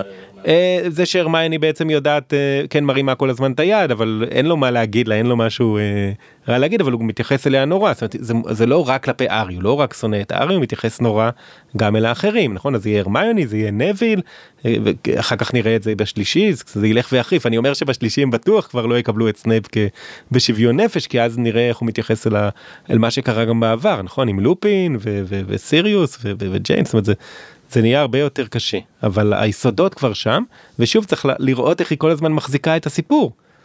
הרי דמבלדור אומר אני אתן לך עוד משהו יפה ככה של סוף הספר הראשון ש- שמרתק אותי בהדרגתיות נניח עם סנייפ. שמ... דמבלדור אומר להארי נכון הארי ניצל כאילו הוא התעורר במרפאה אחרי שלושה ימים קווירל מת וזה ו- והארי רוצה לשאול את דמבלדור שאלות נכון ואז כבר בשאלה הראשונה הוא, הוא, הוא שואל הוא, והוא אומר הוא לא רק שואל, זוכרים שהוא שואל את הארי את דמבלדור סליחה אבל למה בכלל הוא ניסה להרוג אותי. שזה התשובה רק אחרי חמישה ספרים הנבואה.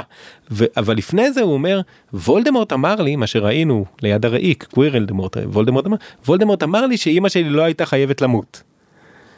אבל למה הוא בכלל ניסה להרוג אותי עכשיו הסופרת נותן לנו כבר את הרמז שזה השאלה הגדולה שאתה לא הולך איתה בעצם רוב הספר השאלה הגדולה למה הוא בעצם למה אימא שלי לא הייתה חייבת למות ואבא שלי כן ששוב הסופרת יודעת שזה נגלה בשביעי בגלל האהבה של סנייפ ללילי והוא התחנן לוולדמורט שלא אבל זה, זה שמה ואז דמבלדור בעצם אה, טוב שהארי שאל שאלה אחרת שגם עליה הוא לא עונה לו. אז יש שם כאילו שלוש שאלות גדולות שהיא שותלת מהספר הראשון אבל אנחנו לא עסוקים בהן. למה אנחנו חושבים הילד שנשאר בחיים נכון כי זה הכותרות אז באמת שאלה אחת למה הוא נשאר בחיים אנחנו עסוקים בה נגלה בחמישי. נכון נגלה אומרת, כן. או, לא למה הוא נשאר בחיים סליחה בלבלתי את עצמי אנחנו יודעים שאימא שלו מתה למענו אבל למה הוא רצה להרוג את הארי. בכלל וולדמורט נגלה בחמישי. השאלה הגדולה הנוספת שאנחנו צריכים לשאול למה וולדמורט לא מת. קללת אבדה קדברה חזרה אליו ריבאונד למה הוא לא מת זה רק בשישי נגלה את ההורקרוקס ואת המכשיר שהכל דמבלדור נכון כבר יודע ו- ורק בשביעי נגלה את השאלה של אבל למה אימא שלי לא הייתה חייבת למות? ש- שכבר נרמזה לנו מהספר הראשון נכון כל הזמן ועם הסיפור האהבה של סנייפ אז היא, עובדת לטווח ארוך ואמרתי אוצרות המוות עם הגלימה והדברים זאת הכל כבר נשתל שם אבל היא מכינה אותנו לטווח ארוך. אני מאוד אוהב את הטווח ארוך הזה. מאוד ארוך כן. אז אני אומר בטווח ארוך זה, זה יפה כי מיכאל ב, בספר גם כן אחד האחרונים אומר אתם רואים שצדקתי? באמת סנייפ היה בשליחות של וולדמורט והוא לא מבין כמה הוא צדק כאילו הוא זורק את זה זה משהו לאוויר וזה חתיכת דבר איזה נכון. כשהוא אמר את זה? הוא אמר את זה על אה, ש- כשחשבנו שסנייפ רע בספר הראשון הוא אמר את זה אבל כאילו ואז הם שכחו מזה וזה זה פשוט ממשיך הולך ונהיה איזה הימור שהולך ומהדהד הלאה. אה, גם יפה שרוני כאילו בפרקים האחרונים בפרקי special שזה עכשיו ממש אולי עוד לא הספקת לשמוע אותם אבל רוני הם פתאום אה, אמרנו לו בואי תאמרי מה יקרה עם אה, הארי אה, אה, הרמיוני, סליחה, מה יהיה? אה, כמובן, היא ורון יהיו ביחד. מה יהיה מארי? היא וג'יני, יהיו ביחד, פתאום כל הזוגות הביאה.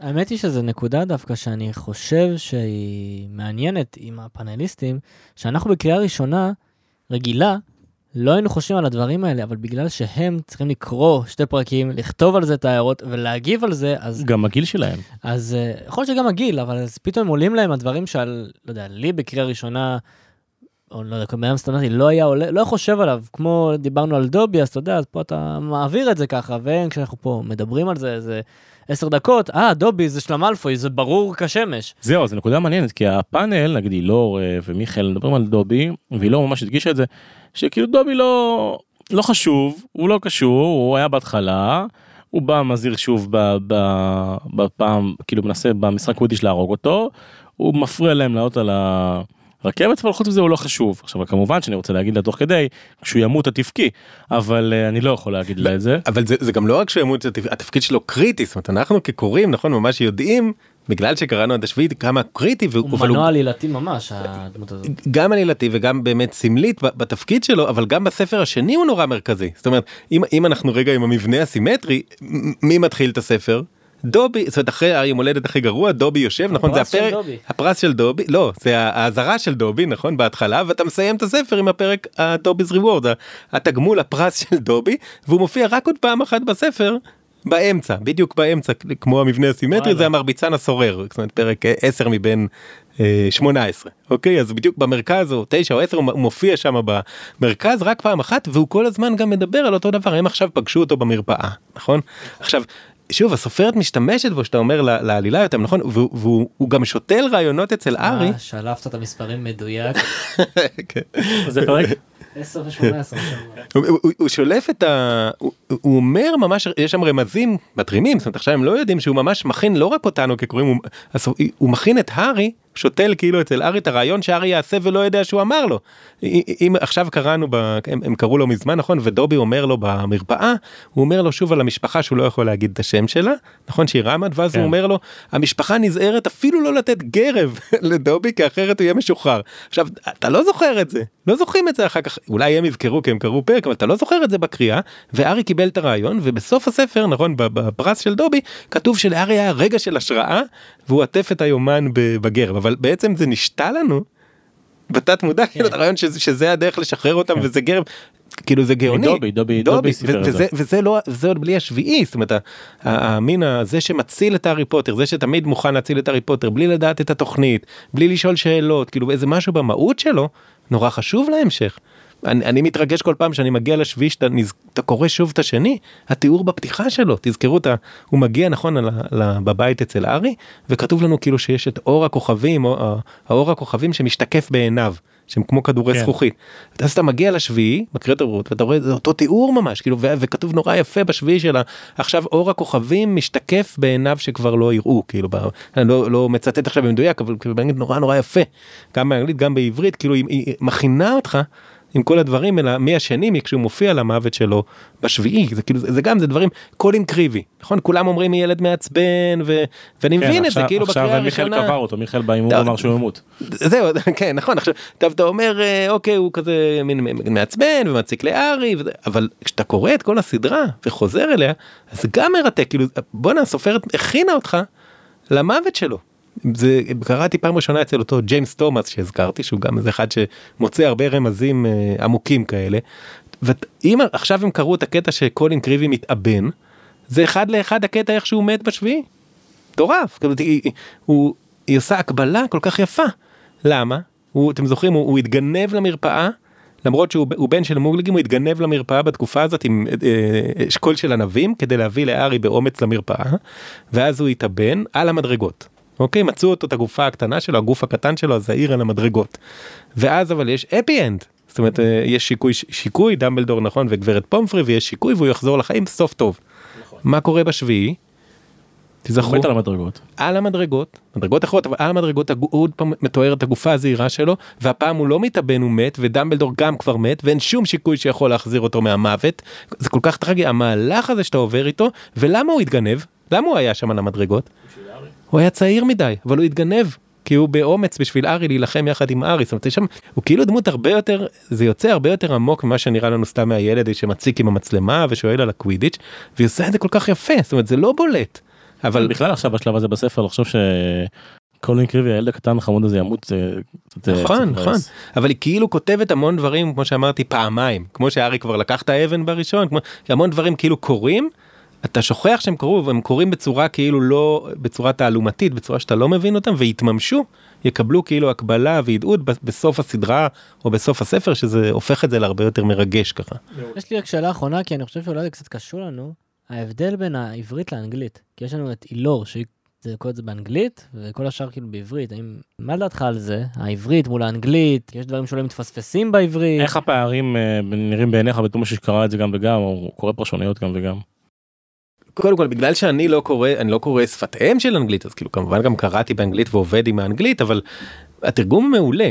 הוא מעולה כי, כי העיקר בסוף בתרגום זה לא שהוא מילה במילה בדיוק יכול להיות שיתפקשש לפעמים איזה רמז או איזה משהו או ביטוי כמו- באנגלית אבל כמו סוהרסן ודימנטור, שזה כזה. אבל זה דוגמה ללא התפקשש זאת אומרת זה הרווחנו כי בעברית כן, אה, הרווחנו משהו אחר מהדבר. הצליחה ליצור משהו נורא יפה זאת אומרת מבחינה זאת זה נהדר זאת אומרת אנחנו רואים יש קוראי עברית חווים משהו קולח כמעט אתה מרגיש שזה נכתב בעברית במקור זאת אומרת זה כל כן. כך קולח כל כך זורם אתה לא עוצר זה לא הערות שוליים זה לא- אתה פשוט זה תענוג בעיניי התרגום הזה. אחר כך אם אתה רוצה בשביל אה, לראות אה, דיוקים ודברים אז אז מן הסתם אתה חייב לחזור למקור ואתה תרוויח משהו יותר כי אה, נניח בספר הראשון אם, אם רוצים להגדיר את סלידרין אז אנחנו כקוראי העברית אתה זוכר את ה... יש שיר. נכון? גילי בר הלל תרגמה את השיר נורא יפה אבל אתה מתרגם שיר כל מתרגם בעולם של שיר אתה לא יכול אתה חייב לשמור על משקל על חריזה נכון? על המקצב אתה לא יכול מילה במילה בטח לא אם יש מילה שיש לה כמה משמעויות כן. אז אז ברור שאם אתה רוצה כאילו לדייק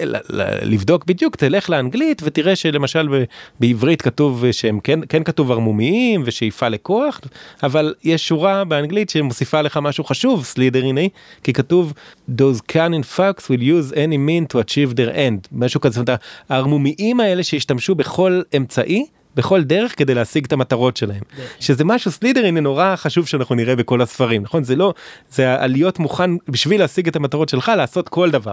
נראה את זה בקווידיץ' נראה את זה עם אה, דראקו נראה את זה עם סלידרין עצמו נראה את זה עם וולדמורט נראה את זה עם סנייפ הצעיר נראה עם זה, זה משהו נורא חשוב ששוב אם אתה תקרא את האנגלית אז אתה יהיה לך איזשהו דיוק כזה שבעברית יכול אבל סך הכל תרגום מעולה בעיניי. מזל שיש זה- לנו את אילור, להביא לנו בדיוק את הדיוק הזה. כן נבדוק אותה. ב- בכל מקרה גם בקריאה הראשונה היא לא יכולה. כאילו זה ניואנסים שבקריאות הבאות תוכל לראות אבל אה, צריך להגיד תודה על התרגום לגמרי. אמנון. עכשיו אני אתן לך את ההימורים שלך. בכמה יסיים כל אחד מחברי הפאנל את פרק ההקראה. זאת אומרת פרק, פרק ההקראה היומן הסודי ביותר הוא הפרק הבא. על כמה יעמוד מדד הפוטריות בדעתך. מכל אצל כל אחד מהם אצל אילור רוני ומיכאל. אני לא יודע להגיד מספר אבל כולם יעלו לדעתי כי זה זה פרק שהוא הוא באמת כבר המתח וקורה בו בקטן. מה שאם דיברנו על סנייפ דיברנו על הדמויות יש משהו נהדר בכתיבה שלה שהגדירה את זה הכי טוב אה, שירה וולוסקי. יש פרופסור לספרות אה, לספרות ספרות אנגלית באוניברסיטה העברית בשם שירה וולוסקי והיא פרשנית של הארי פוטר כתבה ספר אה, מצוין על הארי פוטר באנגלית והיא מדברת על זה שהכתיבה של רולינג היא לא זה לא מידע מצטבר. אתה לא קורא זה לא מין רק סיפור בלשי שקראת עוד פרט עוד פרט עוד מידע ולאט לאט אתה בונה לך את התמונה ואז קיבלת עוד מידע בסוף וזה יסתדר. לא זה כתיבה אה, שכל פעם הפרט החדש הנוסף מכריח אותך לקרוא את כל מה שקראת עכשיו על הדמות מההתחלה. לקרוא לאחור ולהבין את זה הפוך לגמרי נכון? זאת אומרת אנחנו כל הספר הראשון היינו בטוחים וארי היה מוכן אנחנו והדמויות שארי היה מוכן לתת עשר אבני חכמים שסנייפ הוא זה שרוצה לגנוב את האבן ולתת את המטאטה שלו והכל. אתה, אתה, ואתה משוכנע יחד איתו נכון? ואז זה לא נוסף איזה פרט קטן אלא עכשיו שקווירל מספר לארי מול הראי מה היה אנחנו חוזרים לכל הספר הראשון וקוראים הכל כמו שאמרתי נכון. מההתחלה והכל הפוך. זאת אומרת כל דבר אה, קווירל הציל אותם מפילץ' בהתחלה ביום הראשון כתוב שקווירל עבר במקרה במסדרון האסור והציל אותם בדיוק מפילץ' שתפס אותם שם את הארי ורון שהתבלבלו. אז אתה מבין-.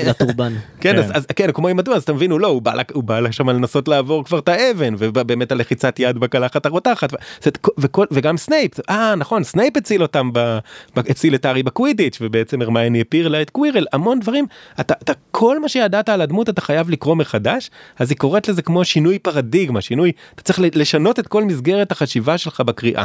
וזה נורא יפה גם בפאנל לראות את זה, מה שיקרה להם, ועכשיו גם ביומן הסודי ביותר. אני מניח, נכון, אני לא יודע איך הם יגיבו, אני, ממה שאני מצליח לזכור, כשאתה מסיים את היומן הסודי ביותר, אתה הרבה פעמים, אתה, אתה בדיוק, אתה, עכשיו אתה שוכח כאילו שהדברים לא תואמים גם, ואיך אגריד הוא יורש של סלידרין, זה, זה לא מתאים, וכאילו מה, מה שהכרנו כבר על ארי, על אגריד עצמו וזה, אבל אתה קורה לך משהו ופתאום זה לכאורה שינה את מה שחשבת על כל הדמות. זהו, אני לא מאמין שהם, אה, שוב, בפנטזיה שלי, הייתי שמח שהם יהיו מזועזעים ויחשבו שאגריד הוא היורש באמת וזהו והתחילו לפתח תיאוריות על כמה אגריד רע ואגריד וולדמורט וכאלה. אני חושב שהם יעלו על זה מהר, מאוד שרידל הוא, הוא הבעיה אני אפילו חושב שהם יעלו על זה שרידל הוא וולדמורט זה ההימור שלי לפרק הבא. מן הסתם אני הולך כזה על אילור כזה שתכף תנחש למרות שגם מיכאל יש לו כאלה ניחושים כאלה אבל uh, יהיה מעניין לשמוע את זה לראות מה יהיה. אני חושב שזה כן יעלה אבל את המדד כי הם יהיו שם ב... כי זה כתיבה הפרק הזה באמת הוא, הוא מותח מאוד והוא אה, מרתק ובספרים הראשונים אני מבין אותם כמבוגרים אני אפילו אני לפעמים אומר לאנשים מבוגרים שנתקעו כאילו שלא קראו הארי פוטר וכזה אומרים ניסיתי את הראשון הזה אני, אני אומר להם אפילו תתחיל את הרביעי.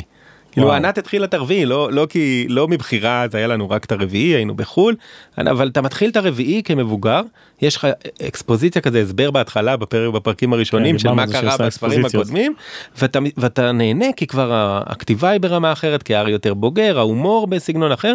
אני חושב שמבחינה הזאת אני מבין למה לפעמים אנשים בספר הראשון והשני שקוראים את הפרקים בהתחלה פעם ראשונה ועוד לא מבינים למה הם נכנסו אומרים אה, טוב אוקיי זה הרפתקה כשאני קורא עוד לא מבינים איפה הם נמצאים? אז אני רוצה להרים לזה להנחתה דווקא. הם בתחילת העונה הזאתי בפרק הראשון אמרו מה זה הפרק הזה? זה פילר זה זה מורן גם אמר זה הוציאו לה מההוראה בכלל. כן. ואתה מדבר פה על מבנה שהוא סימטרי. השאלה זה איך זה מתכנס למבנה הסימטרי לא אני חושב שזה זה אקספוזיציה שנועדה למקרים כאלה שאם מישהו קורא את הספר מהפרק מהספר הרביעי פתאום הוא עדיין יבין ולא יזרוק את זה לפח לא אתה שואל עכשיו על הפתיחה של הרביעי או בזה שבכלל של השני אה. בפתיחה של השני גם כן שוב נכון הפרקים הקודמים לא אז אני גם חושב שזה קשור ל... שוב היא אוהבת חזרות היא עושה את זה נורא מגוון. כאילו, זה משהו שבא במודע ולא ב... לא, אה, ההוצאה אמרה לעשות את זה כדי לא לא זה במודע וגם קורים שם שוב דברים שהם ייסגרו כל פעם בסיום. זאת היא מזכירה לך דברים שגם יהיה להם משמעות בסיום כל דבר וגם הם חשובים לך לקראת הספר השישי כי שוב אם זה מבנה סימטרי באמת שכמו שאמרת הספר השישי מתייחס להמון דברים בספר השני עכשיו זה הם לא יכולים עכשיו לדעת אני אתן דוגמא עוד מעט ארי מרגיש שמה שהוא ימצא את היומן והוא מרגיש נכון שהוא מרגיש כאילו תום הזה היה חבר קרוב שלו הוא מרגיש שזה הוא גם מזהה הרבה דברים שקשורים אליו. כן, כן. לא אבל אתה לא יכול רק כשאתה קורא את השישי או אפילו את השביעי ואתה חוזר לשני ואז אתה אומר אוקיי יש פה את האורקרוקס יש מלא דברים שאתה חייב ואני חושב שהפתיחות האלה גם חשובות הן מכניסות אותך חזרה אני אוהב את החזרה הזאת בכל ספר שאתה מרגיש בטוח בהארי פוטר אף אחד לא שואל איך סנייפ נראה איך הדמויות נראות כולם מרגישים כל כך טוב דווקא בגלל שכאילו אלף פעם חזרו לנו לתיאור החיצוני ואתה כאילו בביטחון אוקיי אני פנוי לעלילות אה, מורכבות מעניין. יותר. אף פעם לא חשבתי על זה, זה נכון. זה, זה נדיר ככה אתה יודע זה, כאילו, אספתי פעם את ה... כאילו לתאר כל כך הרבה פעמים את הדמות שהיא כבר אה, קורה איתה המון דברים. מזכירים פעם פעמיים שלוש כל פעם וכל פעם לחזור. וזה לא בעיה של אה, רולינג עם השיער של סנייפ נכון זה לא בעיה עם הרזון שלו או, או בעיה שלה עם שיער שמנוני. לא, אני למשל אני קורא לכם ספר אני לא יודע כאילו כבר לקראת סוף הספר ואת הדמויות. אה... כן עכשיו עכשיו באמת יש, יש ספרים שזה פחות חשוב בהם כביכול ואז הם יותר בעלילה ויותר באירועים אצלה נורא חשוב האנושיות הזאת ואנחנו ממש כל דמות אתה יודע אתה מחכה דראקו מתארים את דראקו ואתה מחכה לפנים החיוורות ולקול המפהק המשועמם הזה נכון? ולהתנשאות הזאת ולמרוח כאילו אתה, אתה לא יכול לקרוא את דראקו בלי זה ולא את סנייפ בלי התיאור שלו ובהמשך דמויות שהם יפגשו ולוקהארט כן, לוקהארט דמות כל כך קומית. כן. אפלה כל כך הם עוד לא יודעים כמה היא אפלה אבל זה כתוב כל כך קומית נכון? אתה הזכרת אני, אני מתפ... בקריאות חוזרות שאתה כבר יודע כמה הוא אפל אבל אתה מתפוצץ מצחוק איך זה כתוב. עכשיו יללה חזקה וטובה הארי נכון? זה, זה ממש כתוב מאוד אמין. מדהים. טוב אה, אמנון אני רציתי לדבר איתך גם על חיות הפלא אבל אני חושב שיש לנו זמן אז אולי בדקה במילה אחת בוא, בוא נעשה את זה שלוש דקות. אוקיי. אני אה, מי שאחרי שדיברנו כבר התחלתי לראות שוב אבל בגדול ראיתי פעם את חיות הפלא לא תכננתי לראות שוב לא חשבתי שיש בזה עומק זה מין קוריוז כזה דרך למשוך כסף אבל אז דיברתי איתך ופתחת לי את העיניים וסיפרת לי איזה משהו על חיות הפלא שהוא קצת כאילו עניין אותי שגם את זה רולינג תכננה שזה משהו שמובנה ואז אמרת לי. מורן ברור שלא אהבת את השני, את השני סרטים הראשונים כי זה כמו שרוני ואילור ומיכאל לא אהבו את השני ספרים הראשונים עדיין לא התחברו לזה יש בזה איזה עומק שבונים אז בוא תן לנו איזה 2-3 דקות אנחנו לא אין לנו אחוזים אצל אה, חיות כן. הפלא אבל למה כן שווה להיכנס לעולם ולמה כן שווה לשים לב ולקרוא לראות את הסרטים. אז קודם כל היא באמת אומרת מראש אה, יש לי חמישה. אני הולכת לכתוב חמישה תסריטים יש לי סיפור שלם אני מחלקת אותו לחמש אז קודם זה היה לשבע אבל אה, עכשיו אני מחלקת אותו לחמש היא אומר היא אומרת שלה? כן היא כן? עד עכשיו בשני סרטים הראשונים היא לבד עכשיו ב... בשלישי כאילו יש יחד איתה מישהו אבל זה כן התסריט שלה הסיפור שלה היא אומרת גם היה לי את הסיפור הזה תמיד לא חשבתי שאני אתן אותו עכשיו מי שרואה את הסרט הראשון ויחזור למשל לספר של חיות הפלא האדום או היום הירוק הזה הספר של מדריך של ניוט יראה. את, ה, את הבסיס שהיא כבר הכניסה זאת אומרת אה, מותר לנו אז רגע אנחנו יכולים אבל ספוילרים עכשיו מה כן אנחנו אוקיי אז כאילו כל הפרק הוא ספוילר. לא גם לחיות הפלא אבל כן, כן. לא משנה אפילו אה לא לא שלישי לא. לא, אז הראשון, אתה אתה, מגיע לחיות הפלא הראשון, והנושא בחיות הפלא הראשון זה האובסקיורוס, האובסקוריאל, נכון? אותו, נכון. אותו אה, אה, בן אדם, אותו קרידנס עם האובסקיורוס. עכשיו, אז שזה הסיפור והסיפור של ניוט. אתה חוזר ל-2001, יש לי את הספר מ-2001 שיצא אחרי הספר הרביעי של הארי פוטר, אתה מסתכל בעמוד הראשון של הספר של מדריך חיות הפלא, וכתוב לך למטה, הוצא בשיתוף הוצאת אובסקיורוס. זאת אומרת, הסופרת, כבר יש לה את המונח אובסקיורוס. אבל היא לא פתחה, היא יודעת גם שזה קשור לאריאנה, אבל היא, לא, היא פשוט לא פתחה את זה שם. היא יודעת כבר את העבר, הווה והעתיד של ניוט. הספר מ-2001 נגמר בזה שניוט חי עם טינה, פורפנטינה, אה, ב- ביחד היום בדורסט ה- הסיפור היה לה כבר, הגרעין. עכשיו היא מפתחת אותו ועכשיו שאתה רואה אותו זה גם מרתק כי כבר ברור שכל אחד מהסרטים הוא קיאסטי וסימטרי בתוכו כאילו דברים שקרו בהתחלה נסגרים בסיום ואנחנו עכשיו בשלישי מתוך חמישה השלישי חוזר על הרבה דברים שקרו בסרט הראשון בצורה מעניינת ומכין אותנו לסיום. למה שאנחנו יודעים שזה גרינדלוולד ודמבלדור ב-1945 והמון המון סמלים סרט מורכב אנחנו עוד לא יודעים עוד מה פגשנו שם חיות פלא עם סמליות עם מיתולוגיות עם תהליכים עם מה שכבר פגשנו בהארי פוטר נושאים נושא עומק של אהבה והקרבה כאילו זה זה יצירה לדעתי רצינית מאוד אבל אנחנו צריכים את כל החמישה כדי את כל החבילה. להעריך אותה כאילו. אגב דמבלדור נגיד גרינדלווד 1945 זה לא סתם אני מניח. נכון אז זה כמובן מיד זורק אותנו נכון להקשר של השואה של היטלר גם ממש בסרט השני ראינו אה, נבואות ראינו קטעים של אה, של קרבה לעולם המוגלגי נכון עם חיזיון של אה, פצצות אטום ושל מלחמת העולם השנייה זאת אומרת, זה גם מעניין שהיא חזרה לאותה תקופה והיא גם אומרת בראיון יפה היא אומרת או באתר שלה היא אומרת אני עסוקה בביסט לא רק בחיות הפלא אלא בביסט בחיה שבתוך האדם. אני רוצה לחקור כאילו בסרטים שלי לפתח את הסיפור של החיה שבתוך האדם ומה גורם לאנשים לעשות את זה היא מאוד uh, עסוקה אני, אני מקווה שזה נזכה לחמישה סרטים אבל הם מרתקים אם, אבל חייבים כמה פעמים. אז בסדר אז אני התחלתי כבר את הראשון השני שוב ואיתם אנחנו נלך ביחד לשלישי ונראה מה כן. נעשה עם זה משהו ואז אולי גם נדבר עם אמנון שוב. אמנון תודה רבה רבה רבה. איזה. כיף, כיף להתארח, באמת. היה מדהים אני פשוט אני לא חושב שיש פרק שדיברתי כל כך מעט פשוט היה לי כיף להאזין שכחתי שאני צריך גם לדבר ולשאול שאלות אז אני רק אומר למאזינים שבטח נשארו עוד כאן כי זה היה ממש מעניין אני מזכיר לכם. בפרק הבא בשבוע הבא אנחנו מגיעים לפרק הקראה ומשם אנחנו רוצים עד סוף העונה יש לנו עוד כמה פרקים ופרק סיום עונה שיהיה מעניין במיוחד.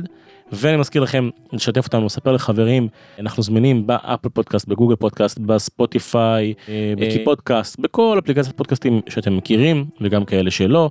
אנחנו נשמח לשיתופים לחמישה כוכבים ושתבואו לקבוצה שלנו מדברים על הפוטרקאסט תספרו לנו תדברו איתנו אה, תספרו לנו מה חשבתם על אמנון אבל בלי ספוילרים כי בקבוצה אין ספוילרים אני מזכיר לכם וזהו זה הפרק האחרון עם ספוילרים אנחנו שבוע הבא חוזרים לפרק הקראה הם יגלו שהאגריד הוא פתח את חדר הסודות או לפחות ככה הם חושבים עד אז יאללה ביי. תודה ביי ביי.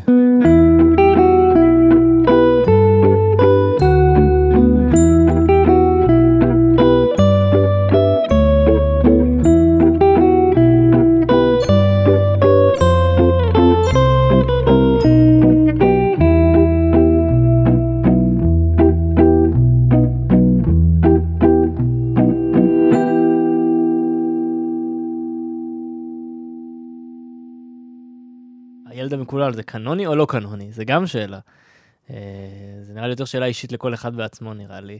כן או קנון ביחס למה אבל נניח בילד המקולל אז אתה אומר באמת זה לא של כאילו זה רעיון שלה אבל אין לנו טקסט של רולינג. כן. אבל באמת אתה צריך להחליט האם אתה מקבל את העובדות שקרו אני שם. חייב להגיד סתם אולי לשאר המאזינים אם זה- אם זה יישאר בכלל בעריכה. כשאני קראתי את זה לראשונה כשזה, כשזה יצא אני היה לי טווח מאוד מאוד אה, רחוק מהפעם האחרונה שקראתי הארי פוטר ואמרתי מאוד נהניתי כי פתאום זה החזיר אותי לעולם פתאום זה אה שמות הזה הזה הזה. ואז אחרי שאני חזרתי שוב לקרוא את הסדרה ואז פתאום קצת ש... קראתי על זה מה שאנשים אומרים לא קראתי את זה שוב. ומתייחסים לזה אני כזה רגע לא זה באמת לא לא אין קשר כאילו סתם אה, כאילו זה סתם בקצה. אז תראה אני לא מומחה בזה אני. קראתי פעם אחת וזה לא ראיתי על הבמה אז באמת מי שראה על הבמה אנשים אומרים אה, בבמה זה זה חוויה זה לא קשור. אה, אומרים, "בסדר, זה חוויה באמת העולם. נכון. בטקסט זה מיד אה, ניכר כבר שאתה קורא את הפתיחה שזה כאילו כמו האפילוג הפתיחה של המחזה זה היה אגב, היה להם לא את לי של-. האפילוג אבל אתה רואה שבדיאלוג כאילו זה לא הכתיבה של רולינג ואז באמת הרבה הולך לאיבוד מתוך. הדגשים הכתיבה והיא נתנה את זה סך הכל למישהו אחר. אחר כך האם לקחת את ה... מה בתוך הסיפור היה שלה? זאת אומרת בעיניי כאילו יש דברים ש, שקרו שם עלילתית שהם מתאימים להארי פוטר או שבדיעבד אם נסתכל על הארי פוטר אז נראה אה, רמזים שהכינו אותנו לאפשרויות האלה שהיה לה כבר את הגרעין של הסיפור הזה עם כמה כן. דמויות. אבל אה, אבל אני מבין את התסכול של אנשים זה לא טקסט של רולינג גם אם היה לה אגב רעיון. לי יש- באופן אישי לא הפריע זה שזה היה כתוב כמחזה. כאילו, לא לא הפריע לא לי. כי כמחזה אלא כי איך אתה כאילו איך בונים דיאלוג ואיך אתה ומה אתה חווה מהקריאה וזה פשוט משהו מאוד אחר כנראה שעל הבמה זה שוב מצליח אבל ברמה לקרוא את זה ככה כספר את הטקסט גם לעומת מחזות אחרים זה אני מבין את האכזבה של אנשים ויש שם באמת אה, הרמות גבה מוצדקות על דברים שבסדרה היו הרבה יותר אדוקים כאילו אה, החזרה בזמן יש הרבה דברים שבכוונה היו ככה כתובים יפה כן. והדוק ופה זה כאילו היה חופשי אבל אה, אני אני לא מומחה למחזה כי באמת אה, קשה לשפוט מקריאה אחת או משהו. אתה רוצה לקרוא את זה שוב? ברמה אה? לא זהו לא נמשכתי כל כך לקרוא כרגע אם על הבמה אני אשמח לראות את זה אבל כרגע זה לא משך אותי כטקסט לעומת הארי פוטר לעומת הספרים האחרים של רולינג. כן. אז כשאני אשחק במשחק אני אעדכן אותך איך כן. הוא, ואם היה שם איזה אוקיי. משהו.